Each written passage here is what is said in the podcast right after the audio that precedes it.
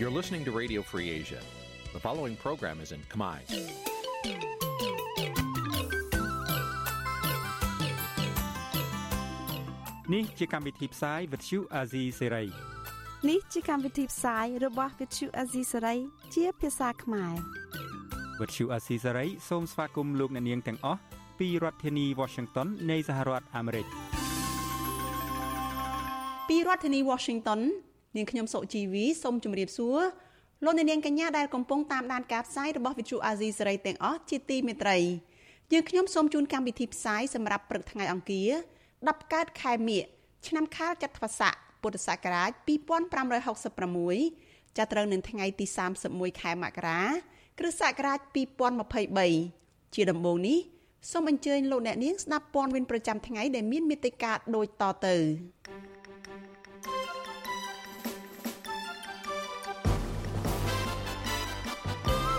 ទីផ្សារធំជាងគេដែលកម្ពុជានាំទំនិញរបស់ខ្លួនទៅលក់គឺសហរដ្ឋអាមេរិកមិនមែនប្រទេសចិន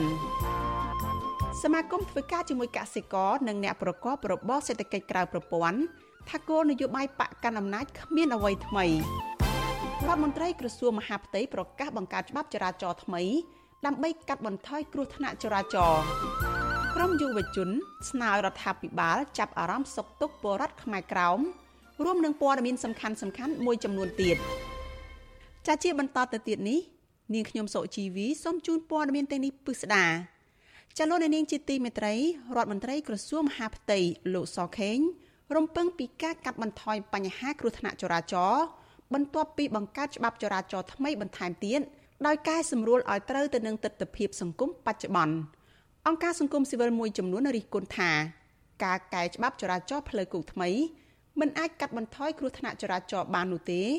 ដោយសារតែមន្ត្រីអនុវត្តច្បាប់មួយចំនួន ប្រព្រឹត្តអំពើពុករលួយយកលុយពីជនល្មើសចាលោកមានរិទ្ធរាយការណ៍ព័ត៌មាននេះក្រសួងមហាផ្ទៃកំពុងកែសម្រួលច្បាប់ចរាចរណ៍ថ្មីមួយបន្ថែមទៀតរដ្ឋមន្ត្រីក្រសួងមហាផ្ទៃលោកសខេងអះអាងថាក្រោយច្បាប់នេះចូលជាធរមាន កម្ពុជានឹងកាត់បន្ថយបញ្ហាគ្រោះថ្នាក់ចរាចរណ៍ដោយសារតែច្បាប់ថ្មីនេះផ្ដោតលើការធ្វើដំណើរលើផ្លូវល្បឿនលឿននិងទប់ស្កាត់បញ្ហាអ្នកបើកបរមានសារធាតុគ្រឿងស្រវឹងលោកសុកខេងថ្លែងប្រាប់ក្រុមអ្នកសារព័ត៌មានក្រោយបញ្ចប់កិច្ចប្រជុំបូកសរុបលទ្ធផលការងារសវត្ថភាពចរាចរណ៍ផ្លូវគោកឆ្នាំ2022នៅព្រឹកថ្ងៃទី30ខែមករាថាច្បាប់ចរាចរណ៍ចាស់មិនមានការធ្វើវិសោធនកម្មនោះទេ ក៏ប៉ុន្តែនឹងមានច្បាប់ថ្មីបន្ថែមទៀតដើម្បីជួយសម្រួលដល់ការកាត់បន្ថយគ្រោះថ្នាក់ចរាចរណ៍នាពេលបច្ចុប្បន្នបាទខ្ញុំសង្ឃឹមអញ្ចឹងពីព្រោះថាដោយសារច្បាប់ចាស់ហ្នឹងវា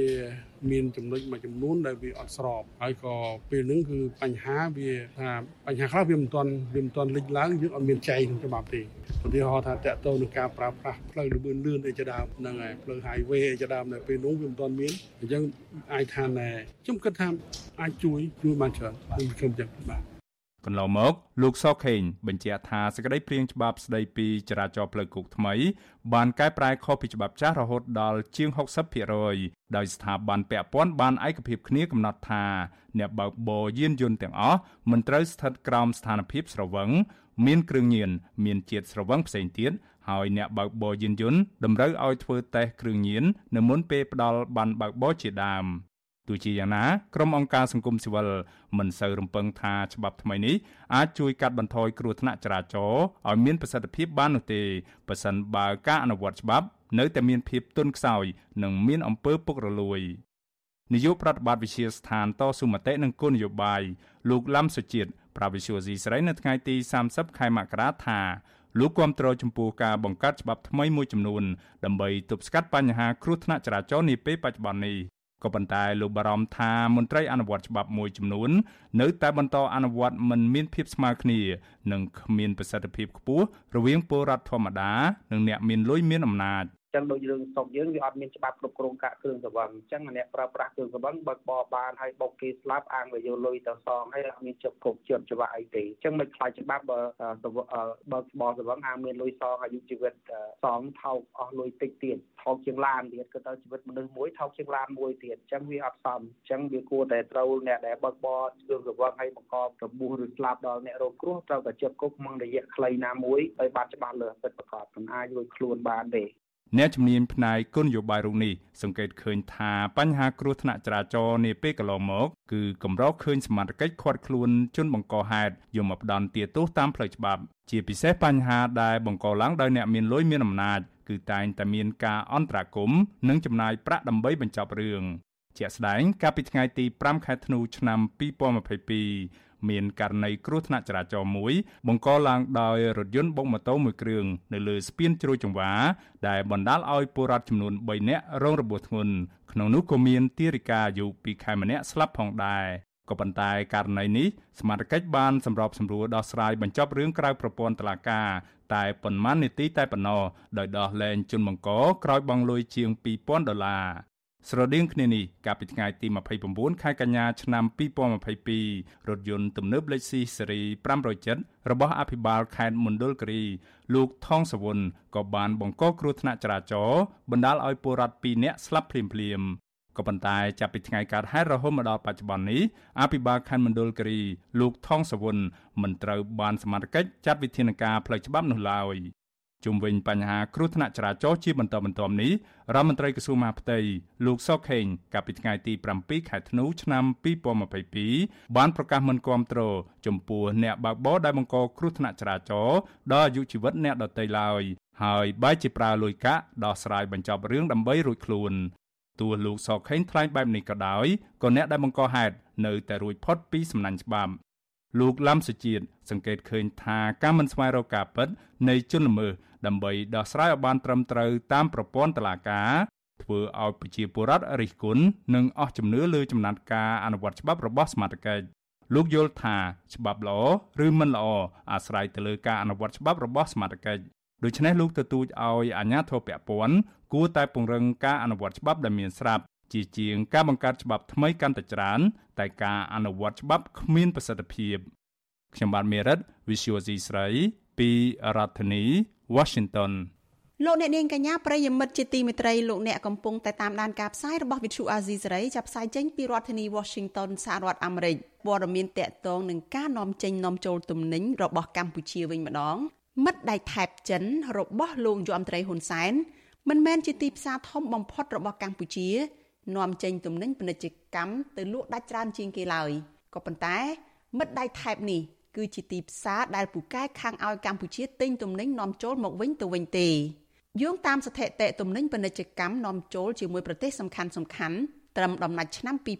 2022ចេញផ្សាយដោយអគ្គនាយកដ្ឋានគយនិងរដ្ឋកោកម្ពុជា ចិនគឺជាប្រទេសឈានមុខគេដែលកម្ពុជាទិញទំនិញឬក៏នាំចូលនៅក្នុងឆ្នាំ2022 គឺស្មើនឹងជិត35%ឬមានតម្លៃសរុបជាង10,000លានដុល្លារក៏ប៉ុន្តែចិនគឺជាប្រទេសដែលកម្ពុជានាំទំនិញទៅដាក់លក់វិញ បានតិចតួចបំផុត គឺត្រឹមតែជាង5%ប៉ុណ្ណោះនៅក្នុងឆ្នាំដដែលនេះពលគឺស្មើនឹងតម្លៃសរុបជាង1000លានដុល្លារប៉ុណ្ណោះផ្ទុយពីនេះវិញកម្ពុជានៅតែបន្តពឹងផ្អែកខ្លាំងលើទីផ្សារសហរដ្ឋអាមេរិកស្ថិតិដដែលបង្ហាញថា សហរដ្ឋអាមេរិកគឺជាប្រទេសតែមួយគត់ដែលកម្ពុជានាំចេញទំនិញពាណិជ្ជកម្មទៅដាក់លក់បានច្រើនជាងប្រទេសណាណាទាំងអស់ពលគឺស្មើនឹងចិត្តពាក់កណ្ដាលឬ40%ដែលមានតម្លៃសរុបដល់ទៅជាង8000លានដុល្លារក៏ប៉ុន្តែកម្ពុជាបានទិញទំនិញឬក៏នាំចូលទំនិញពីអាមេរិកមកវិញត្រឹមតែ1%ប៉ុណ្ណោះឬស្មើនឹងតម្លៃសរុបជាង300លានដុល្លារ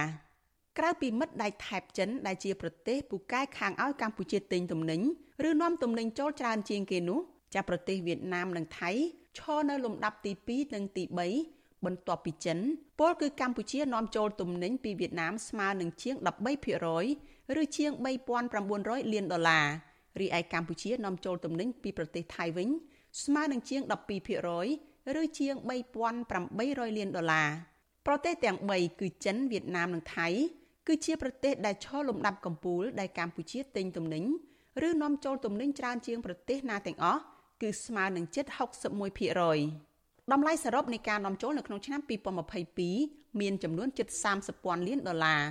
រីឯតម្លៃទំនិញសរុបនៃការនាំចេញរបស់កម្ពុជាវិញមានចំនួនជាង22ពាន់លានដុល្លារលោកនាយករដ្ឋមន្ត្រីហ៊ុនសែនធ្លាប់អះអាងថាបើមិនអោយលោកពឹងចិនតើឲ្យលោកទៅពឹងអ្នកណាក៏ប៉ុន្តែតាមការពិតជាក់ស្ដែងផ្អែកតាមស្ថិតិនេះកម្ពុជាពឹងផ្អែកស្ទើរតែពាក់កណ្ដាល ទៅលើទីផ្សារសហរដ្ឋអាមេរិកសម្រាប់ការនាំចេញទំនិញខណៈមិត្តដៃថែបចិនអាចជួយកម្ពុជាបានត្រឹមតែជាង5%ប៉ុណ្ណោះកម្ពុជាបានសម្រុកដាក់ចេញយុទ្ធសាស្ត្រពង្រីកទីផ្សារពាណិជ្ជកម្មតាមរយៈការចុះកិច្ចព្រមព្រៀងពាណិជ្ជកម្មសេរីហៅកាត់ថា FTA ជាបន្តបន្ទាប់ជាមួយនឹងប្រទេសចិនកូរ៉េខាងត្បូងនិងពិនិត្យលទ្ធភាពជាមួយប្រទេសធំធំដទៃទៀតក្រោយសហភាពអឺរ៉ុបកាត់ផ្តាច់ប្រព័ន្ធអនុគ្រោះពន្ធ EBA 20% ដោយសារតែការរំលាយប្រជាធិបតេយ្យនិងការរំលោភសិទ្ធិមនុស្សធ្ងន់ធ្ងរជាប្រព័ន្ធ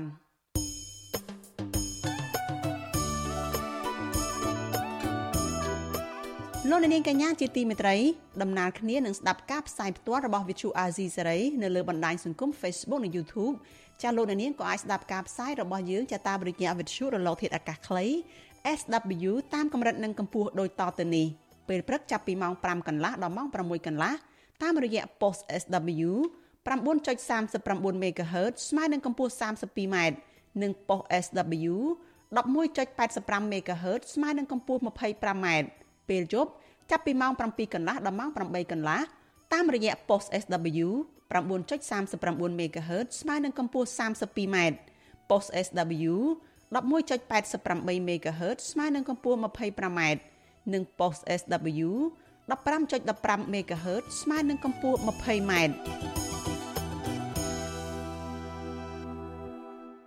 លោកអ្នកនាងកញ្ញាប្រិយមិត្តអ្នកស្ដាប់ជាទីមេត្រីយើងបន្តមកស្ដាប់ព័ត៌មានតកតងនឹងគោលនយោបាយរបស់គណៈបកនយោបាយវិញម្ដងចាំមេដឹកនាំសមាគមលើកឡើងថាការដាក់ចេញយុទ្ធសាស្ត្រជួយទៅដល់កសិករនិងអ្នកប្រកបរបរសេដ្ឋកិច្ចក្រៅប្រព័ន្ធរបស់គណៈបកប្រជាជនកម្ពុជា នឹងមិនផ្ដល់ផលប្រយោជន៍ទៅដល់ពលរដ្ឋទាំងនោះទេពីព្រោះគោលនយោបាយនេះគ្មានអ្វីខុសគ្នាពីគោលនយោបាយពីអាណត្តិចាស់នោះទេ ប្រតិកម្មនេះធ្វើឡើងក្រោយពេលដែលគណៈបកប្រជាជនកម្ពុជាប្រកាសដាក់ចេញគោលនយោបាយដោយផ្ដោតទៅលើការជួយកសិករនិងអ្នកប្រកបរបរក្រៅប្រព័ន្ធដើម្បីស្វែងរកសម្លេងឆ្នោតសម្រាប់ការបោះឆ្នោតជ្រើសតាំងតំណាងរាស្ត្រអាណត្តិទី7ខាងមុខនេះចាលោកមានរិទ្ធរាយការណ៍ព័ត៌មាននេះ មេដឹកនាំសមាគមដែលកំពុងធ្វើការជាមួយកសិករនិងអ្នកសេដ្ឋកិច្ចក្រៅប្រព័ន្ធលើកឡើងថាពួកគេហាក់មិនរំពឹងថាគោលនយោបាយអាណត្តិថ្មីរបស់គណៈបកប្រជាជនកម្ពុជានឹងអាចជួយដោះស្រាយបញ្ហាជាដុំកំភួនជូនប្រជាពលរដ្ឋនៅក្នុងវិស័យទាំងនោះឲ្យបានល្អប្រសើរនោះឡើយ ប្រធានសមាគមសម្ព័ន្ធសហគមន៍កសិករកម្ពុជា លោកថេងសវឿនក៏សម្គាល់ថាបកកណ្ដាលអំណាចដឹកនាំប្រទេសរយៈពេល6អាណត្តិមកនេះកសិករនៅតែជួបនៅបញ្ហាវត្ថុធាតុដើម ដើមទុននិងត្អូញត្អែពេលប្រមូលផលម្ដងម្ដងដោយសារតែការឆ្លើយតបរបស់រដ្ឋាភិបាល នៅមានកម្រិតនិងមិនទាន់ដោះស្រាយបញ្ហាឲ្យចំគោលដៅនៅឡើយលោកយល់ថាការប្រកាសដាក់ចេញនៅគោលនយោបាយជួយដល់កសិកររបស់គណៈបកកណ្ដាលអំណាច គ្រាន់តែជាយុទ្ធវិធីថ្មីទាក់ទាញសម្លេងឆ្នោតពីកសិករនៅមុនការបោះឆ្នោតតែប៉ុណ្ណោះលោកថេងសវឿនបញ្ជាក់ថាការតាក់តែងគោលនយោបាយយកមកបង្ហាញមិនមែនជាការលំបាកនោះទេសម្រាប់គណៈបកនយោបាយក៏ប៉ុន្តែលោកថាបញ្ហាសំខាន់ត្រូវពិនិត្យលើការអនុវត្តនិងដំណោះស្រាយជាក់ស្ដែង ថាតើមានប្រសិទ្ធភាពដោយតាមការអះអាងនៅមុនការបោះឆ្នោតដែរឬទេ អ្វីដែលយើងអាចវងវត្តបានគឺការអនុវត្តជាក់ស្ដែងនិងទស្សនវិជ្ជាជាក់ស្ដែងនៃការឆ្លើយតបនិងដំណោះស្រាយយើងចង់ឲ្យការគិតការពិចារណារបស់អ្នកនយោបាយក៏ដូចជាម្ចាស់ឆ្នោតគិតគូរទៅលើចំណុចទាំងអស់ហ្នឹងទៅហើយម្ចាស់ឆ្នោតជាអ្នកសម្រេចចិត្តពីព្រោះថាដុំព័ត៌មានទាំងអស់ពេលបច្ចុប្បន្ននេះគឺជាលទ្ធភាពមួយរុញឲ្យម្ចាស់ឆ្នោតធ្វើការសម្រេចចិត្តបានហើយការរៀបចំគោលនយោបាយវិស័យកសិកម្មថ្មីនៃអនុម័តដោយមហាសម្បត្តិរបស់គណៈបព្វជិជនកម្ពុជាជាយុទ្ធវិធីនៃយុទ្ធសាស្ត្រក្នុងការតាក់ទាញដល់សម្លេងឆ្នោតនៅក្នុងដំណើរការនៃការបោះឆ្នោតខាងមុខចំណែកប្រធានសមាគមប្រជាធិបតេយ្យឯករាជ្យនៃសេដ្ឋកិច្ចក្រៅប្រព័ន្ធលោកវុនពៅថ្លែងថាបច្ចុប្បន្នអ្នកប្រកបរបរក្រៅប្រព័ន្ធភាគច្រើន មានជីវភាពខ្វះខាតដោយសារតែពួកគេពិបាករកប្រាក់ចំណូល ដែលអ្នកនយោបាយត្រូវយកចិត្តទុកដាក់ដោះស្រាយសម្រាប់អាណត្តិថ្មីនេះលោកសាទរចំពោះគោលនយោបាយរបស់គណៈបកប្រជាជនកម្ពុជា ដែលផ្ដល់បានក្រីក្រ ឬបានបេឡារបបសន្តិសុខសង្គមឡើងវិញ ក៏ប៉ុន្តែលោកយល់ថាបានទាំងនេះគ្រាន់តែជាដំណោះស្រាយមួយក្នុងចំណោមបញ្ហាជាច្រើនតែប៉ុណ្ណោះពីព្រោះអ្នកប្រកបរបរក្រៅប្រព័ន្ធត្រូវការរដ្ឋាភិបាលយកចិត្តទុកដាក់ស្ដារមុខរបរផ្ដល់មុខរបរថែទាំសុខភាពទូទៅនិងជួយជំរុញឲ្យពលរដ្ឋដោះខ្លួនចេញពីអន្ទាក់បំណុលធនាគារជាដើមយើងសូមឲ្យអ្វីដែលលើកក្នុងគោលនយោបាយទៅស្អីក្នុងกระดาษ របស់បកហ្នឹងគឺត្រូវអនុវត្តជាក់ស្ដែងតែម្ដងយើងមិនចង់ឃើញការលើកក្នុងមហាសន្និបាតឬក៏សរសេរក្នុងគោលនយោបាយរបស់បកគឺល្អឥតខ្ចោះប៉ុន្តែការអនុវត្តពិតវានៅមានកម្រិតអាហ្នឹងវាជារឿងមួយដែលបកនឹងការទទួលយកបានហើយបើសិនជាអនុវត្តដោយតែមានចែងនៅក្នុងគោលនយោបាយសរសេររបស់បកហ្នឹងជាពិសេសបកកណ្ដាលអំណាចនេះគឺយើងសាទរបើសិនជាអនុវត្តបាន ប្រតិកម្មនេះធ្វើឡើងបន្ទាប់ពីគណៈបកកណ្ដាលអំណាចដាក់ចេញគោលនយោបាយផ្ដោតលើកសិករនិងអ្នកប្រកបរបរសេដ្ឋកិច្ចក្រៅប្រព័ន្ធនិងក្នុងប្រព័ន្ធដើម្បីស្វែងរកការគ្រប់គ្រងសម្រាប់ការបោះឆ្នោតជ្រើសតាំងតំណាងរាស្ត្រអាណត្តិទី7 អ្នកនាំពាក្យគណៈបកប្រជាជនកម្ពុជា លោកសុកអេសានថ្លែងក្នុងសន្និសីទសារព័ត៌មានក្រោយបិទបញ្ចប់មហាសន្និបាតបកកាលពីល្ងាចថ្ងៃទី29ខែមករាថាកម្មវិធីនយោបាយនេះមិនខុសពីអាណត្តិចាស់នោះទេដោយគណៈបកគ្រាន់តែពង្រឹងនិងជំរុញបន្ថែមទៀតលោកបញ្ជាក់ថាគណៈបកប្រជាជនកម្ពុជានឹងជួយដល់កសិករតាមរយៈការបញ្ជូនអ្នកជំនាញដល់ភូមិឃុំ បង្រៀនបច្ចេកទេសផលិត ជួយទុននិងរកទីផ្សារលក់ផលិតផលជាដើម លោកបន្តថាកម្មវិធីមួយទៀតគណៈបកក៏ជួយដល់អ្នកប្រកបមុខរបរក្រៅប្រព័ន្ធដែរជុំវិញការផ្ដល់បានបេឡារបបសន្តិសុខសង្គមឬបានក្រីក្រជាដើមដើម្បីជួយសម្រួលដល់បញ្ហាលំបាកផ្នែកជីវភាព។ ឥឡូវនេះគឺថាយើងជួយគាំពៀទាំងអស់រហូតទៅដល់រាជរដ្ឋាភិបាលដែលមហាដែលមហាសន្និបាតបានធ្វើលើកឡើងនេះគឺថាលើកទិសដៅដើម្បីដាក់ប្រភពទុនរាប់រយលានដុល្លារដើម្បីទទួលទិញនៅកសិផលមួយចំនួនដើម្បីគាំពៀកុំឲ្យតម្លៃកសិផលនេះត្រូវបានឈ្មួញកណ្ដាលនេះវាបន្ទាបថ្លៃដែលធ្វើឲ្យកសិករយើងរងផលប៉ះពាល់នៅ បញ្ហាលក់កសិផលនេះដែលដែលកន្លងទៅយើងធ្លាប់ជួបប្រទេសហើយហើយយកយើងយកបញ្ហាប្រឈមរបស់កសិករនេះយកមកធ្វើដើម្បីរកវិធីវិធានការដោះស្រាយនេះឲ្យបានសមស្រប ទោះជាយ៉ាងណាក្រោមការដឹកនាំរបស់លោកនាយរដ្ឋមន្ត្រីហ៊ុនសែនទោះបីជាមានការផ្លាស់ប្តូរក្បាលម៉ាស៊ីនថ្នាក់ដឹកនាំក្រសួងកសិកម្មថ្មីយ៉ាងណាក្តីក៏ប្រជាពលរដ្ឋនៅតែលើកឡើងពីទុកកង្វល់របស់ពួកគេជាបន្តបន្ទាប់ទាក់ទងនឹងបញ្ហាកង្វះទីផ្សារកសិផលតម្លៃជីថ្នាំនិងសម្ភារៈកសិកម្មលើទីផ្សារឡើងថ្លៃហើយពលរដ្ឋជួបទុក្ខលំបាកជីវភាពប្រចាំថ្ងៃ កន្លងទៅពជាកសិករនិងអ្នកប្រកបមុខរបរសេដ្ឋកិច្ចក្រៅប្រព័ន្ធតែងស្នើដល់រដ្ឋាភិបាលឲ្យរៀបចំគោលនយោបាយជួយស្ដារមុខរបរនិងអាជីវកម្មរបស់ពួកគាត់ឲ្យប្រសើរឡើងវិញតាមរយៈការផ្តល់សេវាគាំពារសង្គម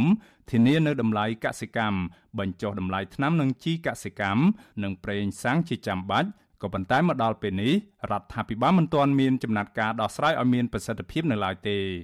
អ្នកវិភាគនយោបាយសង្កេតឃើញថានៅមុនពេលបោះឆ្នោតម្ដងម្ដងគណៈបកប្រជាជនកម្ពុជាតែងតែបង្ហាញនៅគោលនយោបាយឬកម្មវិធីនយោបាយផ្ដោតការយកចិត្តទុកដាក់ចំពោះក្រុមគោលដៅដែលមានសម្លេងឆ្នោតច្រើន ដូចជាកសិករកម្មករអាជីវករនិងយុវជនជាដើមក៏ប៉ុន្តែក្រោយការបោះឆ្នោតរួចរដ្ឋាភិបាលក្រោមការដឹកនាំរបស់គណៈបកប្រជាជនកម្ពុជានេះមិនបានយកចិត្តទុកដាក់ដោយការសន្យានោះឡើយ លើពីនេះទៀតកន្លងទៅពលរដ្ឋណាដែលហ៊ានងើបតវ៉ាឬចេញស្វែងរកកិច្ចអន្តរាគមន៍ពីរដ្ឋាភិបាលវិញពួកគេតែងតែរងនឹងការបង្ក្រាបចោតប្រកាន់ចាប់ដាក់ពន្ធនាគារទាំងអយុត្តិធម៌ដោយពាក្យស្លោកមួយពោលថាមុនបោះឆ្នោតសំពះពេលឈ្នះឆ្នោតសំពងខ្ញុំបាទមេរិត Visual C ស្រី ពីរដ្ឋធានី Washington លោកអ្នកនាងជាទីមេត្រីព័ត៌មានតកតងនឹងគោលនយោបាយរបស់គណៈបកកាន់អំណាចនេះដែរ មន្ត្រីគណៈបកប្រឆាំងនិងអ្នកជំនាញកិច្ចការនយោបាយអន្តរជាតិរីគុណថារដ្ឋាភិបាលលោកហ៊ុនសែនពុំបានប្រកាន់ជំហរនយោបាយការបរទេសដោយឯករាជ្យស្របទៅតាមច្បាប់នោះទេ ប្រតិកម្មនេះធ្វើឡើងបន្ទាប់ពីគណៈបកប្រជាជនកម្ពុជាសម្រាប់នៅក្នុងមហាសន្និបាតរបស់បកខ្លួន ថាកម្ពុជាប្រកាន់យកការអនុវត្តគោលនយោបាយការបរទេសដោយឯករាជ្យចាសសូមស្ដាប់សេចក្តីរាយការណ៍របស់លោកនៅវណ្ណរិនអំពីរឿងនេះ។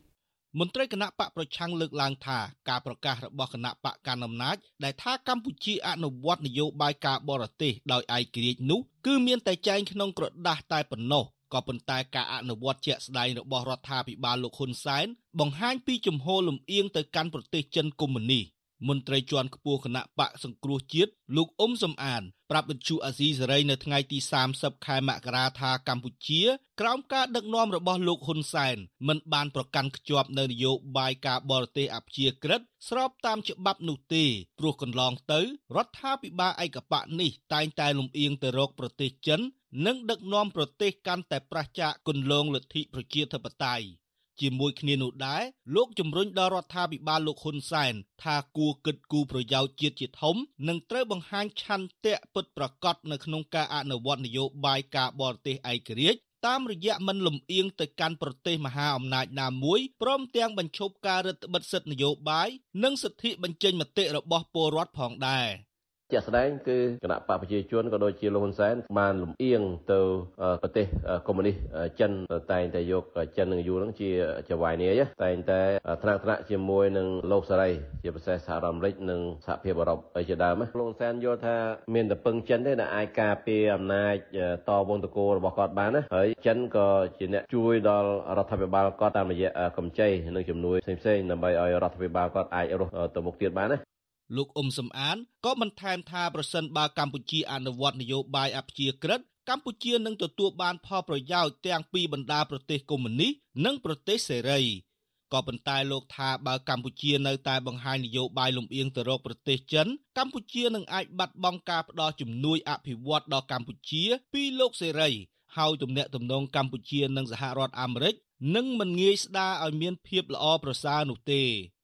សន្និបាតវិសាមញ្ញរបស់គណៈបកប្រជាជនកម្ពុជា កាលពីថ្ងៃទី29ខែមករាបានសម្រេចលើចំណុចសំខាន់សំខាន់ជាង10ចំណុចនៃគោលនយោបាយរបស់គណៈបកកណ្ដាលអំណាចក្នុងនោះគណៈបកប្រជាជនកម្ពុជាក៏បានប្រកាន់ខ្ជាប់ការអនុវត្តនយោបាយប្រទេសឯករាជ្យគោរពគោលការណ៍នៃធម្មនុញ្ញអង្គការសហប្រជាជាតិនិងអាស៊ានដើម្បីចូលរួមរក្សាសន្តិភាពនៅក្នុងតំបន់។ អ្នកនាំពាក្យគណៈបកប្រជាជនកម្ពុជា លោកសុកអេសាន ប្រាប់វិទ្យុអាស៊ីសេរីថា កម្ពុជា មិនបានរណបប្រទេសមហាអំណាចណាមួយនោះទេលោកអះអាងថាគណៈបកប្រជាជនកម្ពុជា តែងតែអនុវត្តគោលនយោបាយពង្រឹងកិច្ចសហប្រតិបត្តិការទំនាក់ទំនងការទូតជាមួយប្រទេសជុំវិញពិភពលោកដោយមិនប្រកាន់និន្នាការនយោបាយនោះទេ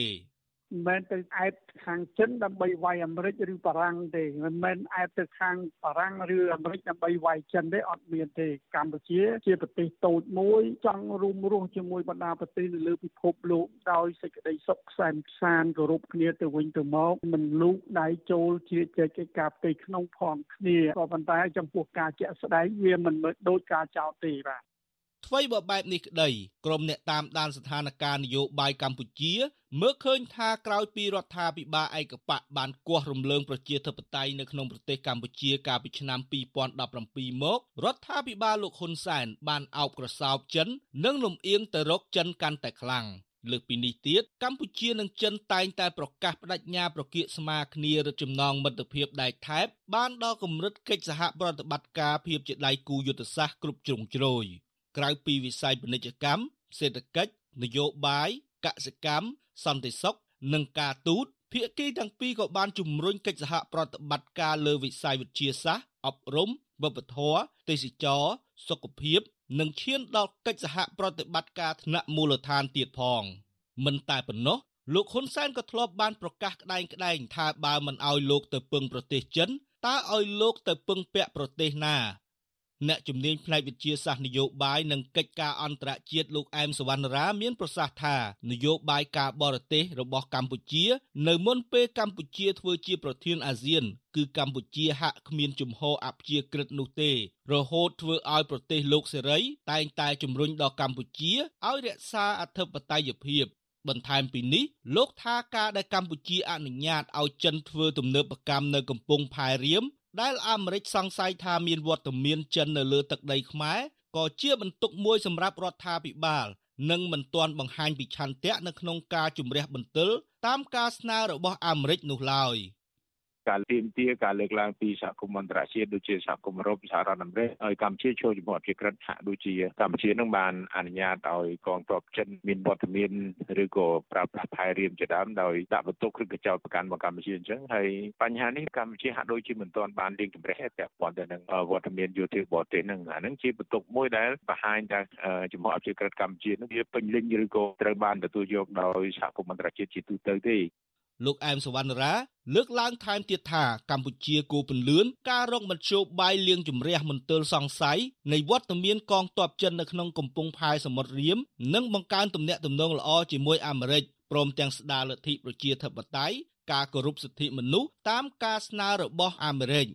លោកបញ្ជាក់ថាប្រសិនបើកម្ពុជាមានឆន្ទៈដោះស្រាយបញ្ហាទាំងនេះទោះបីកម្ពុជាមិនអាចឈរលើជំហរមួយអព្យាក្រឹតទាំងស្រុង ក៏អាមេរិកអាចទទួលយកបានខ្ញុំបាទនៅវណ្ណរិន With Chu Azizi Saray ពីរដ្ឋធានី Washington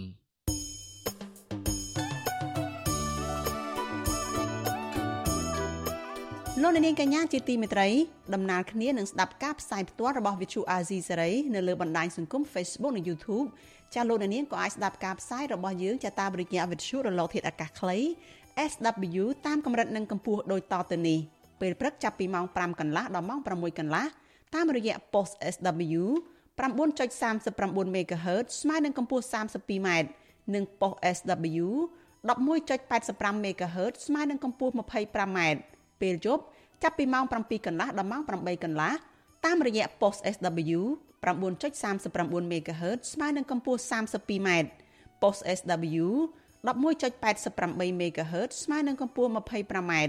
និង post SW 15.15 MHz ស្មើនឹងកម្ពស់ 20m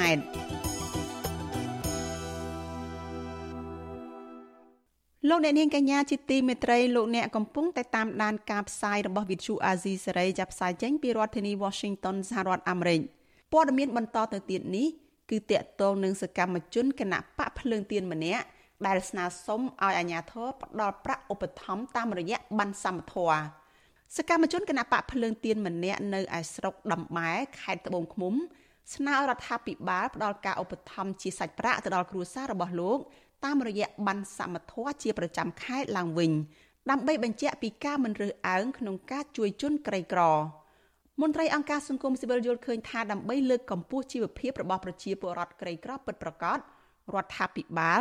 គួរតែពិនិត្យនិងតាមដានការឧបត្ថម្ភសាច់ប្រាក់ទៅដល់ប្រជាពលរដ្ឋក្រីក្រនៅតាមសហគមន៍និងត្រូវដាក់ពិន័យចំពោះមន្ត្រីថ្នាក់ក្រោមជាតិណា ដែលលួចបន្លំផ្ដាល់បានសមត្ថៈបែបបពពួកនិយម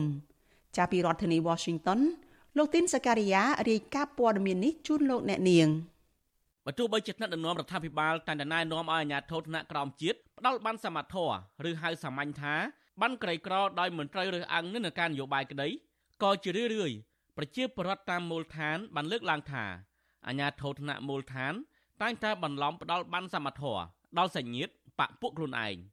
និងរើសអើងទៅលើអ្នកដែលមាននិន្នាការផ្ទុយពីរដ្ឋាភិបាលសកម្មជនគណបកភ្លើងទៀនដែលមានបានក្រីក្រកម្រិត2រស់នៅភូមិស្រែវែង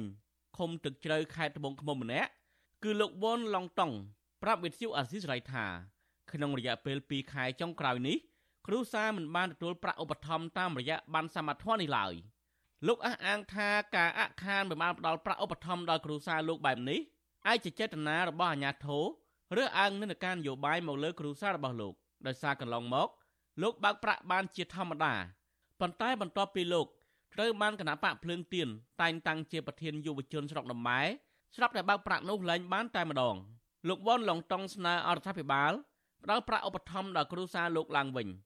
ព្រោះគ្រួសាររបស់លោក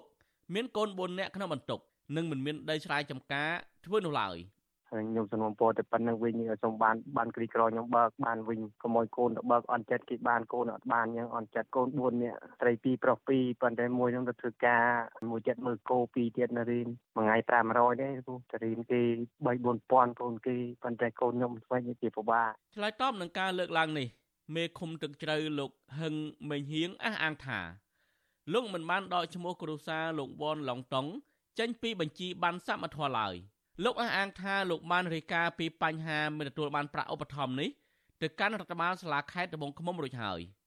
លោកបន្ថែមថាករណីមិនទទួលបានប្រាក់ឧបត្ថម្ភមិនមែនកើតឡើងតែចំពោះគ្រួសារលោកវ៉នឡុងតុងឡើយពីព្រោះមានប្រជាពលរដ្ឋ4គ្រួសារឯណោះក្នុងឃុំទឹកជ្រៅមិនបានទទួលប្រាក់ឧបត្ថម្ភនេះ បានផ្ញើទៅលើហើយប្រហែលគ្រួសារហ្នឹងតែអត់បានមិនតែឡំតុងមួយឯងនៅចំតគួនក៏ដាក់ទៅដែរអត់តង់ឃើញឆ្លើយតបមកវិញបាទលេខហ្នឹងកូដហ្នឹងនឹងវាមិនបានតែបើកអត់បានបើខ្ញុំខ្ញុំក៏ឲ្យខាងមន្ត្រីខ្ញុំស្នើឡើងទៅខាងលើឈ្មោះ3 4នាក់ខែមុនហ្នឹងបាទដែលបើកអត់បានហ្នឹងទោះជាយ៉ាងណាគណៈបកនយោបាយនិងអង្គការសង្គមស៊ីវិលតែងតែលើកឡើងថាការផ្ដាល់បានសមត្ថៈឬហៅថាបានក្រីក្រដែលធ្វើឡើងដោយអាជ្ញាធរមូលដ្ឋាន ធ្វើឡើងដោយមិនត្រឹមត្រូវឡើយជុំវិញនឹងរឿងនេះប្រធានសមាគមប្រជាធិបតេយ្យឯករាជ្យនៃសេដ្ឋកិច្ចក្រៅប្រព័ន្ធលោកវុនពៅអះអាងថាប្រជាប្រដ្ឋភៀកច្រើនមិនទទួលបានបានសមត្ថធម៌ដោយសារតែការផ្ដល់ប្រាក់ឧបត្ថម្ភធ្វើឡើងដើម្បីកេងចំណេញនយោបាយជាជាងចង់ជួយប្រជាពលរដ្ឋក្រីក្រលោកបន្ថែមថាដើម្បីបង្ហាញចេតនាពិតប្រាកដក្នុងការជួយដល់ប្រជាពលរដ្ឋក្រីក្រអាជ្ញាធរថ្នាក់ជាតិគួរមានវិធានការវិតម្លៃនិងត្រួតពិនិត្យបន្ថែម លើអាជ្ញាធរមូលដ្ឋានដើម្បីបញ្ជាការរើសអើងនិន្នាការនយោបាយឬបកពួកនិយមជាមួយគ្នានេះលោកវុនពៅស្នើឲ្យរដ្ឋាភិបាល មានវិធានការច្បាប់ចំពោះមន្ត្រីមូលដ្ឋានប្រសិនជារកឃើញថាពួកគេបានខុបខិតគ្នាផ្ដាល់បានសមត្ថភាពដោយគ្មានដំណាភាពនោះ ខ្ញុំគិតថាគួរតែមានយន្តការច្បាប់មួយដើម្បីចងដើម្បីជំរុញឲ្យមេភូមិមេឃុំគោរពកាតព្វកិច្ចគោលការណ៍ច្បាប់បើមិនជាមិនមានវិធានការច្បាប់ចងទាក់ទងរឿងការផ្ដាល់បានមូលនិធិសមត្ថភាពឬក៏បានក្រីក្រទេអាហ្នឹងហើយវាជាឱកាសវាជាការឆ្លៀតរបស់មេភូមិមេឃុំមួយចំនួនដែលតែងយកអាបានក្រីក្រគឺជារបៀបរយៈនយោបាយទោះអ្នកនងនៅចូលបាក់ខ្លួនបានឲ្យអីអាហ្នឹងវាជារឿងខុសរដ្ឋាភិបាលដឹកនាំដោយគណៈបកកណ្ដាលអំណាចរបស់លោកហ៊ុនសែនត្រូវបានក្រឹកគុណថា ឃោសនារកសម្លេងឆ្នោតដោយយកគោលនយោបាយឧបត្ថម្ភសាច់ប្រាក់ដើម្បីទាក់ទាញឲ្យប្រជាពលរដ្ឋក្រីក្រគាំទ្រគណៈបកប្រជាជនកម្ពុជាគណៈថាវិការសម្រាប់ជួយជនក្រីក្រទាំងនោះគឺជាថាវិការរបស់រដ្ឋមិនមែនជាថាវិការរបស់គណៈបកកណ្ដាលអំណាចឡើយជាមួយគ្នានេះប្រជាសហគមន៍ក្រីក្រតាមមូលដ្ឋានជាច្រើនបានលើកឡើងថាពួកគេត្រូវបានអាជ្ញាធរបញ្ឈប់ផ្ដល់បានប្រាក់ឧបត្ថម្ភនៅពេលដែលពួកគេមិនចោះចូលជាមួយគណៈបកប្រជាជនកម្ពុជា ក៏ប៉ុន្តែការផ្ដល់បានសមត្ថៈឬប្រាក់នេះផ្ដល់ជូនប្រជាពលរដ្ឋក្រីក្រទូទៅដោយមិនរើសអើងនោះគឺជាភារកិច្ចទទួលខុសត្រូវរបស់រដ្ឋាភិបាលខ្ញុំទីនសាការីយ៉ាអស៊ីសេរីប្រធានីវ៉ាស៊ីនតោនលោកអ្នកនាងប្រិយមិត្តជាទីមេត្រីព័ត៌មានដាច់ដライមួយទៀតប្រធានសហភាពសហជីពកម្ពុជាលោករងឈុននឹងប្រកាសជាសាធារណៈពីជំហរនយោបាយរបស់លោក នៅថ្ងៃអង្គារទី31ខែមករានេះតាមគម្រោងលោករងឈុន នឹងធ្វើសន្និសីទសារព័ត៌មាននៅព្រឹកថ្ងៃអង្គារនេះនៅស្នាក់ការសមាគមគ្រូបង្រៀនកម្ពុជាឯករាជ្យដែលស្ថិតនៅសង្កាត់ចាក់អង្រែក្រោមខណ្ឌមានជ័យរាជធានីភ្នំពេញសហភាពសហជីពកម្ពុជាបញ្ជាក់ថាក្នុងសន្និសីទសារព័ត៌មាននៅព្រឹកនេះចាលោករងឈុននឹងបញ្ជាក់ពីជំហររបស់លោកថាតើនឹងត្រូវចូលរួមជីវភាពនយោបាយជាមួយគណៈបកនយោបាយដែរឬយ៉ាងណា ដែលនេះក៏ជាការឆ្លើយតបទៅនឹងសំណុំពររបស់ថ្នាក់ដឹកនាំសកម្មជន និងអ្នកគាំទ្រគណៈបកភ្លើងទៀនលោករងឈុនគឺជាប្រធានសហភាពសហជីពកម្ពុជា ជាសមាជិកក្រុមប្រឹក្សាឃ្លាំមើលកម្ពុជា និងជាទីប្រឹក្សាសមាគមគ្រូបង្រៀនកម្ពុជាឯករាជ្យលោកធ្លាប់ជាអតីតប្រធានសមាគមគ្រូបង្រៀនកម្ពុជាឯករាជ្យនិងជាអតីតសមាជិកគណៈកម្មាធិការជាតិរៀបចំការបោះឆ្នោតហៅកាត់ថាកោជបលោកធ្លាប់ជាប់ពន្ធនាគារដោយសារតែការងារសង្គមពិសេសការឈឺឆ្អាលបញ្ហាព្រំដែនកម្ពុជា និងវៀតណាម លោករងឈុនបានចេញពីពន្ធនាគារកោតពីចុងឆ្នាំ2021ក្រោយបានជាប់ឃុំអស់រយៈពេល1ឆ្នាំ3ខែ នៅក្នុងចំណោមទោសសរុប2ឆ្នាំ ដែលតុលាការកាត់ឲ្យលោកមានទោសបន្ទាប់ពីលោកបានចេញរបាយការណ៍ពីការត្អូញត្អែរឿងបាត់ដីស្រែរបស់ប្រជាពលរដ្ឋដោយសារតែការបោះបង្គោលព្រំដែនរវាងប្រទេសទាំងពីរកម្ពុជានិងវៀតណាមនៅក្នុងខេត្តត្បូងឃ្មុំ។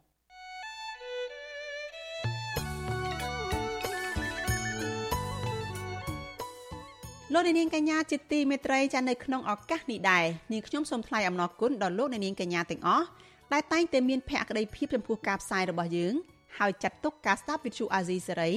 គឺជាផ្នែកមួយនៃសកម្មភាពប្រចាំថ្ងៃរបស់លោកអ្នកនាងចាការគ្រប់គ្រងរបស់លោកអ្នកនាងនេះហើយដែលធ្វើឲ្យយើងខ្ញុំមានទឹកចិត្តកាន់តែខ្លាំងថែមទៀតក្នុងការស្វែងរកនិងផ្តល់ព័ត៌មានពិតជូនលោកអ្នកនាងចាំមានអ្នកស្ដាប់មានអ្នកទស្សនាកាន់តែច្រើន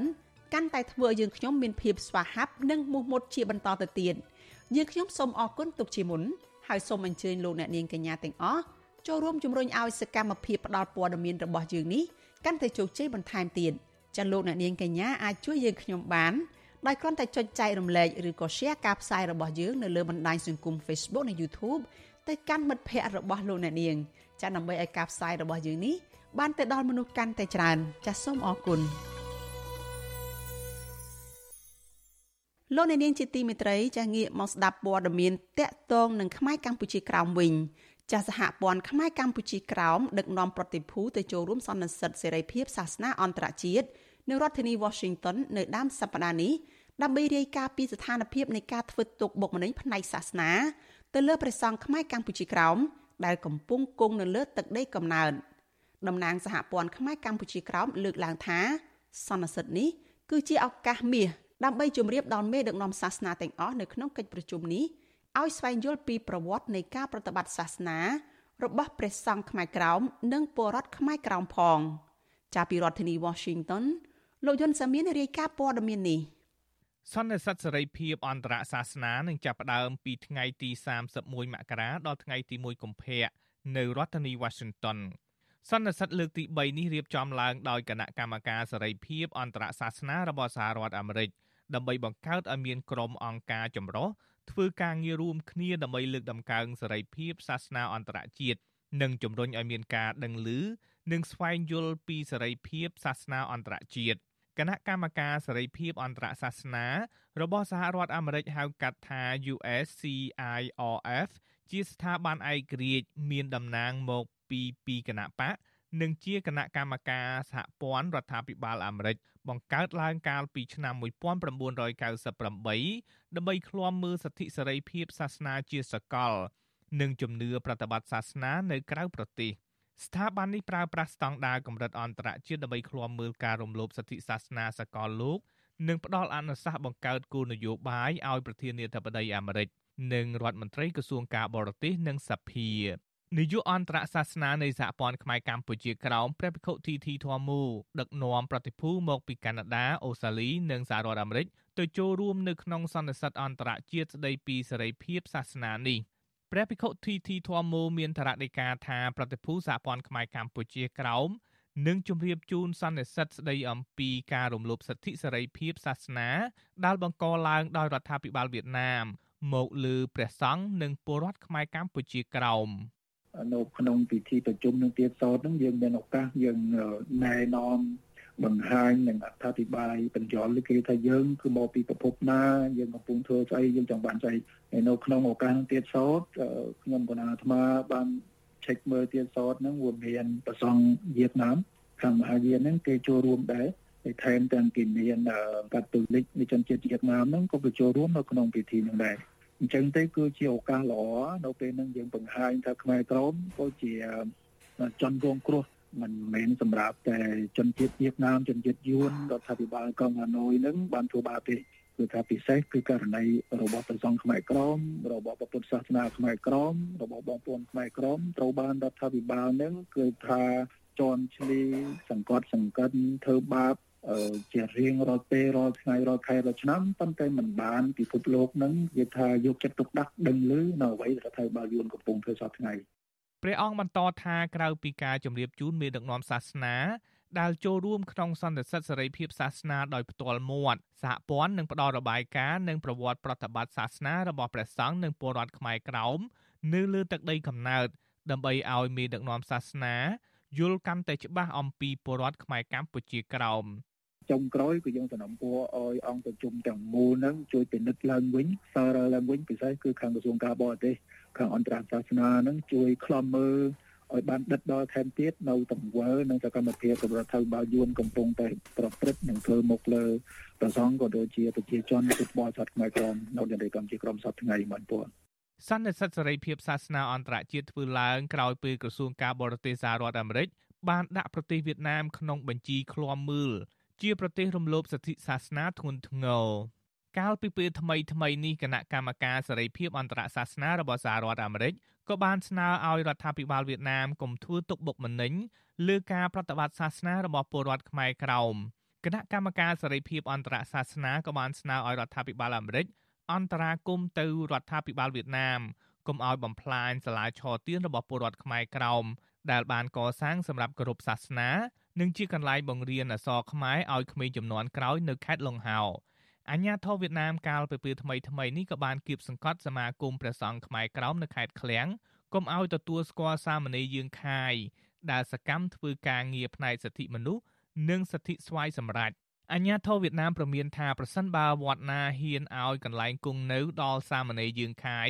វត្តនោះនឹងត្រូវរងវិធានការតាមផ្លូវច្បាប់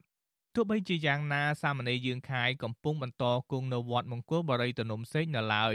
ទោះបីមានការគម្រាមកំហែងក្តីទោះបីសហរដ្ឋអាមេរិកនិងសហព័ន្ធខ្មែរកម្ពុជាក្រោមរកឃើញការរំលោភសិទ្ធិសេរីភាពសាសនារបស់ខ្មែរក្រោមក៏ដោយក៏វៀតណាមនៅតែបន្តបដិសេធរបាយការណ៍សិទ្ធិមនុស្សសកលឆ្នាំ2023របស់អង្គការសិទ្ធិមនុស្សអន្តរជាតិ Human Rights Watch ចេញកាលពីពេលថ្មីថ្មីនេះរកឃើញថាវៀតណាមរដ្ឋបិទសេរីភាពសាសនា Human Rights Watch រកឃើញថារដ្ឋាភិបាលវៀតណាមបន្តធ្វើទុកបុកម្នេញនិងរើសអើងជាប្រព័ន្ធលើសហគមន៍ខ្មែរក្រោមរដ្ឋាភិបាលវៀតណាមក៏តែងតែជ្រៀតជ្រែកក្នុងប្រតិបត្តិការផ្ទៃក្នុងរបស់ពុទ្ធសាសនិកខ្មែរក្រោមនិងចង់ត្រួតត្រាពួកគេ បង្អាក់ការអប់រំជាភាសាខ្មែរនិងឃ្លាំមើលជាលក្ខណៈស្អប់ខ្ពើមលើមេដឹកនាំសហគមន៍ខ្មែរក្រោមខ្ញុំយុនសាមៀនវិទ្យុអាស៊ីសេរីប្រធានាធិបតី Washington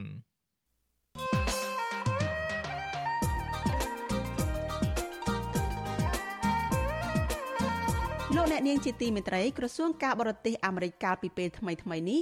បានដាក់ប្រទេសវៀតណាមនៅក្នុងបញ្ជីឃ្លាំមើលជាប្រទេសរំលោភសិទ្ធិសាសនាធ្ងន់ធ្ងរ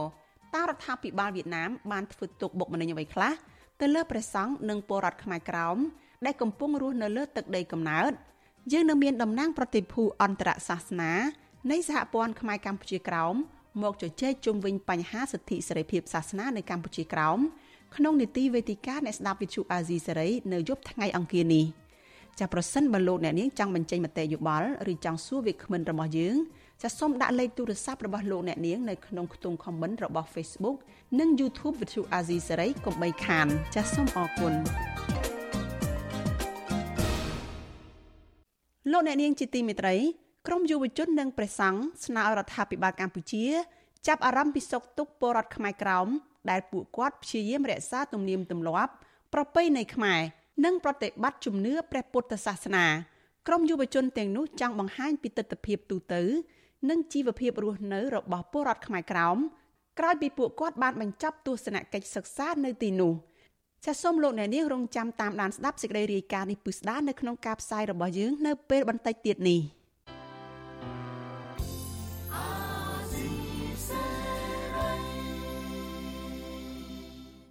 លោកអ្នកនាងកញ្ញាជាទីមេត្រីសេចក្តីរាយការណ៍ពីខេត្តព្រះវិហារឯណោះឲ្យដឹងថា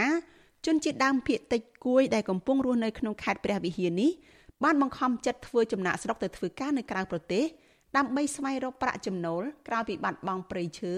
និងដីសមរភាពដែលពួកគាត់តែងតែធ្វើចំការវិលជុំតាមបែបប្រពៃណីចិញ្ចឹមជីវិតចាលោកសុនច័ន្ទរដ្ឋារាយការណ៍អំពីរឿងនេះជនជាតិដើមភាគតិចគួយច្រាងគ្រួសារនៅឃុំប្រមេស្រុកត្បៃមិនជ័យ ចាត់ទុកការបាត់បង់ព្រៃឈើនិងដីសមរភាពជាមូលហេតុចម្បងធ្វើឲ្យភូមិច្រាំងគ្រួសារចំណាក់ស្រុកដើម្បីរកការងារធ្វើនៅក្រៅប្រទេសជនជាដើមភេទគួយនៅភូមិប្រមេលោករឿនអុលប្រាប់វិទ្យុអេស៊ីសរ៉ៃថ្ងៃទី30ខែមករាថាបច្ចុប្បន្នបរិវត្តយ៉ាងហោចណាស់ជំរយគ្រួសារនៅឃុំប្រមេបានមកខំចិត្តចំណាក់ស្រុកដើម្បីរកការងារធ្វើហើយពួកគាត់ភ័យច្រើនទៅធ្វើការនៅប្រទេសថៃលោកថាអ្នកភូមិមកខំចិត្តធ្វើបែបនេះដោយសារពួកគាត់កំពុងតច្រកជំពាក់បំណុលធនាគារហើយខ្វះប្រាក់គ្រប់គ្រងអគុណរៀន ស្របពេលមរបររអនុផលប្រៃឈើបែបប្រពៃណីជនជាតិដើមភាគតិចកាន់តែខ្សត់ទៅ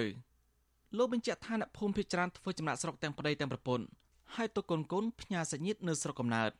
អស់ហើយវាអស់ហើយតាមព្រៃរបស់ជាប់ទឹកអីក៏អស់នឹងដើមរបស់អ្នកខ្លះអស់គេលួចអ្នកម្ដងតិចម្ដងតិចអ្នកខ្លះក៏នៅសល់តិចលួចក៏លក់ឲ្យគេថែមទៅអ្នកខ្លះក៏បានលក់គេកាត់ចោលយកអស់គេចំណាក់ស្រុកសិតថាខ្វះអីក៏រកនេះនោះតាមស្រុកយើងនេះរមបានក៏អ្នកខ្លះក៏ចំណាក់ស្រុកទៅ សមាជិកសហគមន៍ជនជាតិដើមភាគតិចគួយភូមិប្រមេលោកស្រីរឿនខានបានលើកយកបញ្ហាប្រឈមទាំងអស់នេះថ្លែងចំពោះមុខមន្ត្រីតំណាងក្រសួងកសិកម្មនិងក្រសួងពាក់ព័ន្ធដើម្បីស្នើមន្ត្រីរដ្ឋាភិបាលទាំងអស់នេះទទួលយកទុកកង្វល់របស់ប្រកបទៅដោះស្រាយលោកស្រីបន្តថាមកទល់ពេលនេះដីសមរភាពនៅភូមិប្រមេដែលប្រជាសហគមន៍ស្នើសុំចុះបញ្ជីមួយផ្នែកធំគ្រប់គ្រងដោយបុគ្គលមានលុយមានអំណាចលួចធ្វើប្លង់រឹងអំមួយផ្នែកធំហើយព្រៃឈើដែលជាប្រភពចំណូលរបស់ប្រកបក៏កំពុងប្រឈមការបាត់បង់អស់ជាបន្តបន្ទាប់ លោកស្រីរឿងខាន់ថ្លែងបែបនេះក្នុងវេទិកាប្រកួតយោបល់ថ្នាក់ជាតិស្ដីពីបញ្ហានឹងការប្រឈមរបស់ស្ត្រីជនជាតិដើមភាគតិចកាលពីថ្ងៃទី25ខែមករាតោដើមជួយច្បាស់ទាំង3ភូមិនោះសម្រាប់ជនជាតិដើមភាគតិចប្រើប្រាស់តាមបន្លែបកាព្រៃព្រៃដោយទីស្លាប់ប្រាច់ស្លាប់អីពួកខ្ញុំបាត់បង់អស់ហើយសុំតែដីធ្វើស្រែចំការឲ្យបានគ្រប់គ្រាន់មិនបានទៅទៀតខុសច្បាប់អ្នកណាហ៊ានធ្វើចាប់ ប្តឹងដោយជារូបខ្ញុំផ្ទាល់ក៏ជាប់ពាក្យបណ្ដឹងរបស់អ្នកដែលធ្វើដី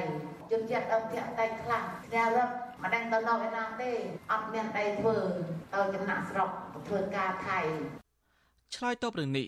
មន្ត្រីដំណើរក្រសួងកសិកម្មលោកលាវស៊ីថាផល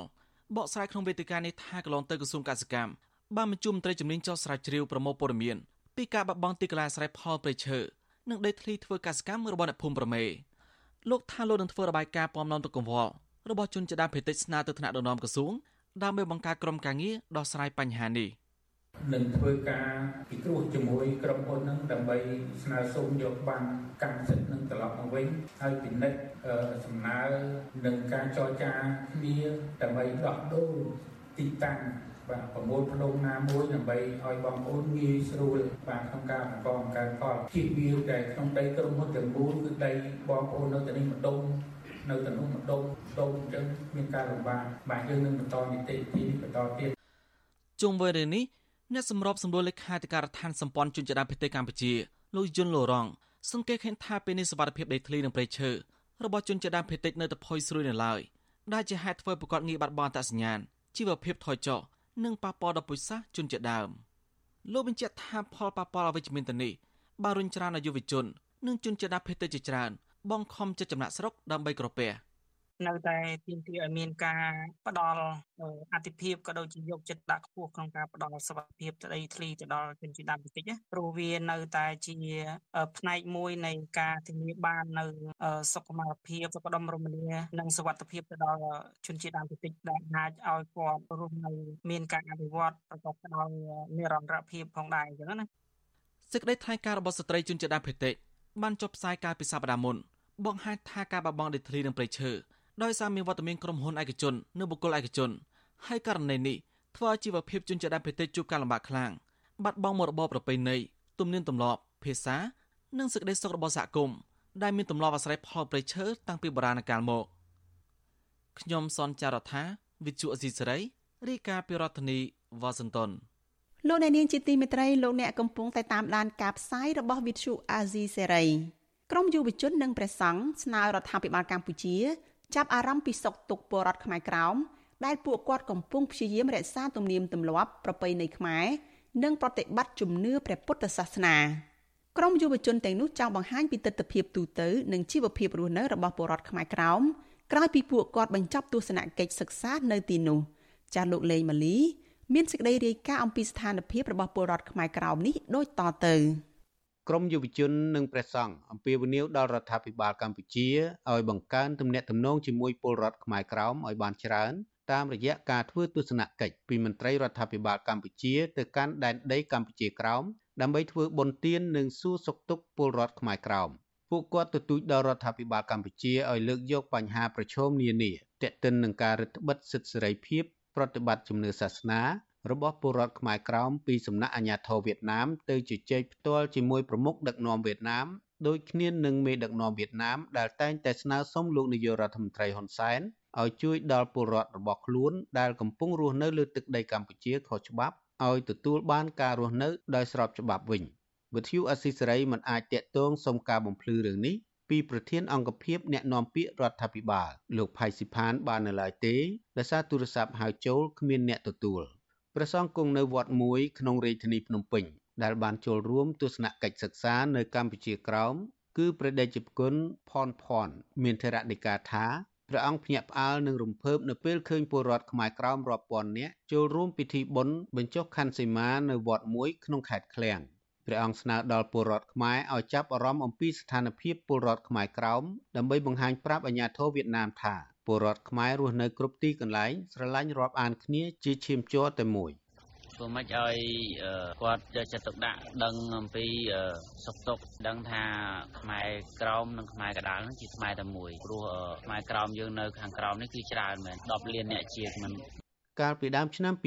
2023ក្រមយុវជន បញ្ញវន្តនិស្សិត ព្រះសង្ឃនិងពលរដ្ឋជិត40នាក់បានទៅធ្វើទស្សនកិច្ចសិក្សារយៈពេល3ថ្ងៃនៅដែនដីកម្ពុជាក្រោមក្នុងខេត្តចំនួន3គឺខេត្តឃ្លៀងខេត្តព្រះត្រពាំងនិងទីក្រុងព្រៃនគរដំណើរទស្សនកិច្ចនេះពួកគាត់បានកត់ត្រាដើម្បីចងក្រងឯកសារស្រាវជ្រាវ អំពីជីវភាពរស់នៅ ស្ថានភាពគោរពសិទ្ធិមនុស្សការប្រតិបត្តិជំនឿសាសនា ពិធីបុណ្យទាននិងការប្រកបរបរកសិកម្មរបស់ពលរដ្ឋខ្មែរក្រោមបន្ថែមលើនេះ ពួកគេបានចូលរួមពិធីបុណ្យបញ្ចុះខន្ធសីមា នៅវត្តមុនីរាំងសីសេរីវង្សធម្មជូតហៅវត្តធម្មជូតក្នុងខេត្តឃ្លាំងដោយមានមនុស្សចូលរួមច្រើនសន្ធឹកសន្ធាប់ដែលភ ieck ច្រើនលើសលប់ជាពលរដ្ឋខ្មែរក្រោមមកពីខេត្តផ្សេងផ្សេងរីឯជនជាតិវៀតណាម មានតិចតួចប៉ុណ្ណោះចូលរួមពិធីបុណ្យទានបែបព្រះពុទ្ធសាសនានេះហើយពួកគេភ ieck ច្រើនមកប្រកបរបរលក់ដូរទំនិញនិងម្ហូបអាហារក្នុងពិធីបុណ្យនោះពលរដ្ឋខ្មែរក្រៅម្នាក់រស់នៅខេត្តឃ្លៀង គឺលោកយ៉ាញ់សេតថ្លែងថាពលរដ្ឋខ្មែរក្រៅបានយកចិត្តទុកដាក់រក្សាប្រពៃណីទំនៀមទម្លាប់និងអភិរក្សវប្បធម៌កេរដូនតាស្រុះគ្នាហើយពួកគាត់ភ័យច្រើនចូលរួមកម្មវិធីបុណ្យដោយជួយការងារក្នុងវត្តអារាមដោយការស្ម័គ្រចិត្តលោកបញ្ជាក់ថាយុវជនខ្មែរក្រោមភ័យច្រើន មានស្មារតីជាតិនិយម និងស្រឡាញ់ជាតិខ្មែរច្រើនជាងជាតិសាសន៍វៀតណាមហើយពួកគាត់បានតស៊ូរៀនសូត្រអក្សរខ្មែរនៅវត្តអារាមនានាលោកថាមកទល់ពេលនេះ អាញាធរវៀតណាមនៅតែរដ្ឋបិទពលរដ្ឋខ្មែរមិនឲ្យនាំចូលឯកសារពីក្រៅប្រទេសយកមកតម្កល់ទុកក្នុងវត្តអារាមទេហើយបើសិនជាបងប្អូនយើងដឹងពីប្រវត្តិសាស្ត្រយើងបងប្អូននឹងមានសម្លេចនឹងចាប់អារម្មណ៍ហើយអញ្ចឹងហើយយើងត្រូវផ្សព្វផ្សាយហើយជាសាច់ខាងផ្នែកវប្បធម៌ខាងប្រវត្តិសាស្ត្រយើងដែនដីកម្ពុជាក្រោមក្នុងខេត្តឃ្លៀងខេត្តព្រះត្រពាំងនិងព្រៃនគរមានស្ថានដីរាបស្មើសម្បូរដីល្បាប់មានជីជាតិប្រព័ន្ធធារាសាស្ត្រខ្វាត់ខ្វែងអំណោយផលធ្វើកសិកម្មដំណាំស្រូវ ដាំឈូកខ្នុរចេកដូងទឿនិងស្វាយជាដើមរីឯប្រព័ន្ធប្រឡាយទឹកភាគច្រើន អាចធ្វើនាវាចរបានងាយស្រួលដឹកកសិផលនិងផ្គត់ផ្គង់ទឹកស្រោចស្រពវិស័យកសិកម្មបានគ្រប់រដូវរបាយការណ៍របស់សហព័ន្ធខ្មែរកម្ពុជាក្រោមឲ្យដឹងថាខេត្តឃ្លៀងមានវត្តអារាមខ្មែរចំនួន92វត្តខេត្តព្រះត្រពាំងមានវត្តខ្មែរ144វត្ត ប៉ុន្តែក្រុងព្រៃនគរនៅសល់តែវត្តខ្មែរចំនួន2វត្តប៉ុណ្ណោះក្នុងចំណោមវត្តសរុប4ក្រោយពីអាញាធរវៀតណាមបានប្រែក្លាយវត្តទាំងនេះឲ្យគោរពតាមបែបព្រះសង្ឃវៀតណាមដំណើរទស្សនកិច្ចនេះក្រុមយុវជនបានទៅគោរពវិញ្ញាណក្ខន្ធវីរៈបរោះខ្មែរក្រោមគឺអង្គញាសឿនគុយក្នុងខេត្តព្រះត្រពាំងព្រះសង្ឃនិងក្រុមយុវជន បានសូត្រមន្តបង្សុកូលឧទ្ទិសបុណ្យកុសលជូនអង្គញារូបនេះនិងព្រលឹងដូនតាខ្មែរក្រោមដែលពលីជីវិតការពារទឹកដី។ ពួកគេថតរូបនិងវីដេអូភ្ជាប់នឹងដើមឈើទាលដ៏ធំមួយដែលអង្គញាសឿនគុយដាំដោយមានអាយុកាលជិត200ឆ្នាំមកហើយដើមឈើទាលនេះជានិមិត្តរូបនៃការលះបង់ជីវិតដើម្បីបុព្វហេតុការពារជាតិមាតុភូមិកម្ពុជាក្រោមរបស់ចៅហ្វាយគុយអតីតអភិបាលខេត្តព្រះត្រពាំងព្រះតេជគុណភីសម្បូរមានធរណីកាថាដំណើរទស្សនកិច្ចនេះមានសារៈសំខាន់ណាស់គឺផ្សារភ្ជាប់ទំនាក់ទំនងរវាងខ្មែរកណ្ដាលនិងខ្មែរក្រោម ដើម្បីពញ្ញាអារម្មណ៍ឲ្យស្ថាប័នជាតិនិងប្រទេសលោកខាងលិចជ្រាបថាពលរដ្ឋខ្មែរមិនភ្លេចគ្នាឡើយព្រះអង្គអំពាវនាវដល់ពលរដ្ឋខ្មែរគ្រប់តំបន់ឲ្យមកទស្សនាទីតាំងប្រវត្តិសាស្ត្រដើមជាទាលដ៏ធំរបស់អង្គញាសឿនគុយដើម្បីរួមគ្នាថែរក្សាឲ្យគង់វង្សចំណែកអ្នកនាំពាក្យគណៈបកប្រជាជនកម្ពុជា លោកសុកអេសានមានប្រសាសន៍ថាដំណើរទស្សនកិច្ចរបស់ក្រមយុវជនខ្មែរជារឿងល្អក៏ប៉ុន្តែលោកថាកន្លងទៅ ពលរដ្ឋខ្មែរក្រោមបានធ្វើបាតកម្មទាមទារទឹកដីកម្ពុជាក្រោមពីវៀតណាម ដែលលោកចាត់ទុកថាពិបាកនឹងទៅរួចណាស់ហើយមកទល់ពេលនេះពលរដ្ឋខ្មែរក្រោមច្រើនលើសលប់បានចូលសញ្ជាតិវៀតណាមទៅហើយលោកបញ្ជាក់ថាពលរដ្ឋខ្មែរក្រោមអាចទាមទារសិទ្ធិរស់នៅ ក្នុងនាមជាពលរដ្ឋធម្មតាស្របតាមធម្មនុញ្ញអង្គការសហប្រជាជាតិក៏ប៉ុន្តែប្រសិនបើពួកគាត់ចង់ទាមទារសិទ្ធិស្វ័យសម្រេចគឺពិបាកនឹងទៅរួចណាស់លើពីនេះ ពលរដ្ឋខ្មែរក្រោមត្រូវតែគោរពច្បាប់វៀតណាម ព្រោះពួកគាត់កំពុងរស់នៅក្រោមដំបូលរដ្ឋាភិបាលសង្គមនិយមវៀតណាម ប៉ុន្តែឥឡូវយើងនឹងគាត់បែរជាចង់ឲ្យខ្មែរក្រមនឹងតវ៉ារហូតដល់2500ឆ្នាំដូចអ៊ីស្រាអែលដែរក៏មិនដឹងក៏មិនអាចជាទោះគេត្រូវតាមចិត្តគាត់ឥឡូវគាត់ឈប់ហើយហើយបងប្អូនសហព័ន្ធខ្មែរកម្ពុជាក្រមឥឡូវលែងនិយាយពីរឿងទៀមទឹកដីកម្ពុជាក្រមហើយគាត់និយាយពីសិទ្ធិស្វ័យភាពរស់នៅ ជាជនជាតិដើមភាគតិចអានឹងតាមខ្ញុំចាំមិនច្រឡំជុំវិញរឿងនេះដែរ ប្រធានតំបន់សហព័ន្ធខ្មែរកម្ពុជាក្រោមប្រចាំប្រទេសកម្ពុជា លោកតាំងសារៈចាត់ទុកដំណើរទស្សនកិច្ចនេះដោយបង្ហាញក្តីសង្ឃឹមថាទំនាក់ទំនងខ្មែរកណ្ដាលនិងខ្មែរក្រោមល្អប្រសើរច្រើននិងផ្ដល់ភាពកក់ក្ដៅឲ្យគ្នាទៅវិញទៅមកលោកសង្ឃឹមថាពលរដ្ឋខ្មែរកណ្ដាលនឹងកាន់តែយល់ច្បាស់អំពីស្ថានភាពរស់នៅជីវភាពនិងការរក្សាទំនៀមទម្លាប់ប្រពៃណីអក្សរសាស្ត្ររួមទាំងការប្រើប្រាស់ភាសាខ្មែររបស់ពលរដ្ឋខ្មែរក្រោម នេះគឺជាចំណុចដែលខ្ញុំចាប់អារម្មណ៍យ៉ាងខ្លាំងហើយនឹងមានក្តីសង្ឃឹមថាទំនាក់ទំនងរវាងខ្មែរទាំងពីរភូមិភាគនេះពីមួយថ្ងៃទៅមួយថ្ងៃគឺកាន់តែយល់គ្នាកាន់តែច្បាស់ពីព្រោះនៅកន្លងមកតែតែមានបងប្អូនខ្មែរនៅកម្ពុជាកណ្ដាលខ្លាំងយល់ឃើញថាបងប្អូនខ្មែរកម្ពុជាក្រមនោះគឺជាយួនដូចជាវៀតណាមអញ្ចឹងណាកាលពីឆ្នាំ1969គណៈកម្មការព្រះសង្ឃខ្មែរក្រោមភៀកខាងត្បូងបានធ្វើជំរឿនដោយរកឃើញថា ពលរដ្ឋខ្មែរក្រោមមានចំនួនជាង2លាននាក់សហព័ន្ធខ្មែរកម្ពុជាក្រោមដែលមានមូលដ្ឋាននៅសហរដ្ឋអាមេរិកបានស្រង់ស្ថិតិពលរដ្ឋខ្មែរក្រោមក្នុងចន្លោះពីឆ្នាំ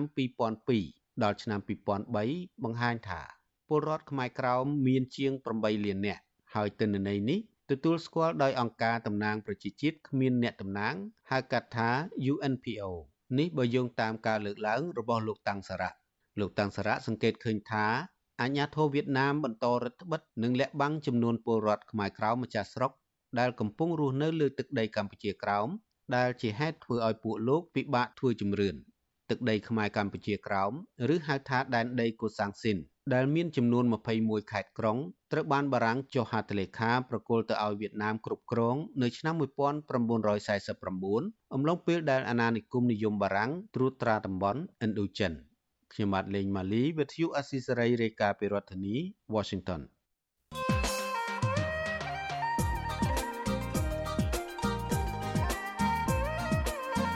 លោកអ្នកនាងជាទីមេត្រីក្រសួងការបរទេសអាមេរិកកាលពីពេលថ្មីៗនេះបានដាក់ប្រទេសវៀតណាមនៅក្នុងបញ្ជីឃ្លាំមើលជាប្រទេសរំលោភសិទ្ធិសាសនាធ្ងន់ធ្ងរតើរដ្ឋាភិបាលវៀតណាមបានធ្វើទុកបុកម្នេញអ្វីខ្លះទៅលើព្រះសង្ឃនិងពលរដ្ឋខ្មែរក្រោមដែលកំពុងរស់នៅលើទឹកដីកំណើត យើងនៅមានតំណាងប្រតិភូអន្តរសាសនានៃសហព័ន្ធខ្មែរកម្ពុជាក្រោមមកជជែកជុំវិញបញ្ហាសិទ្ធិសេរីភាពសាសនានៅកម្ពុជាក្រោមក្នុងនីតិវេទិកាអ្នកស្ដាប់វិទ្យុអាស៊ីសេរីនៅយប់ថ្ងៃអង្គារនេះចាប្រសិនបើលោកអ្នកនាងចង់បញ្ចេញមតិយោបល់ឬចង់សួរវាគ្មិនរបស់យើងចាសូមដាក់លេខទូរស័ព្ទរបស់លោកអ្នកនាងនៅក្នុងខ្ទង់ comment របស់ Facebook និង YouTube វិទ្យុអាស៊ីសេរីកុំបីខានចាសូមអរគុណ លោកអ្នកនាងកញ្ញាប្រិយមិត្តជាទីមេត្រីការផ្សាយរយៈពេល1ម៉ោងរបស់វិទ្យុអាស៊ីសេរីជាភាសាខ្មែរនៅព្រឹកនេះចាប់ត្រឹមតែប៉ុណ្ណេះនាងខ្ញុំសុជីវីព្រមទាំងក្រុមការងារទាំងអស់នៃវិទ្យុអាស៊ីសេរីចាសសូមអរគុណដល់លោកអ្នកនាងដែលតែងតែមានភក្ដីភាពចំពោះការផ្សាយរបស់យើងហើយចាត់ទុកការស្ដាប់វិទ្យុអាស៊ីសេរីនេះចាគឺជាផ្នែកមួយនៃសកម្មភាពប្រចាំថ្ងៃរបស់លោកអ្នកនាងហើយក៏សូមអរគុណដល់លោកអ្នកនាងដែលតែងតែចែករំលែកឬក៏ share ការផ្សាយរបស់វិទ្យុអាស៊ីសេរីនេះ ចា៎នាងខ្ញុំសូមអរគុណនិងសូមជម្រាបលា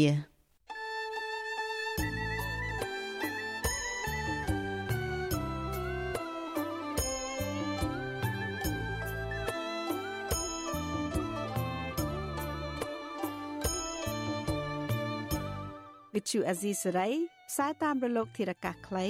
ឬ shortwave តាមកម្រិត និងកម្ពស់ដូចតទៅនេះពេលព្រឹក ចាប់ពីម៉ោង5កន្លះដល់ម៉ោង6កន្លះតាមរយៈប៉ុស SW 9.39 MHz ស្មើនឹងកម្ពស់ 32m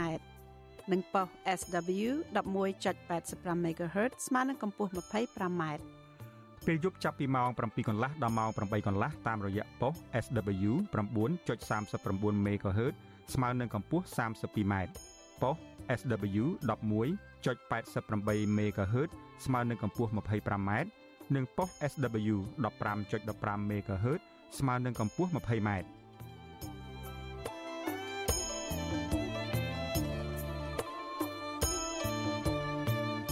លោកអ្នកនាងក៏អាចស្ដាប់ការផ្សាយផ្ទាល់តាមប្រព័ន្ធអ៊ីនធឺណិតដោយចូលទៅកាន់គេហទំព័រ www.rfa.org/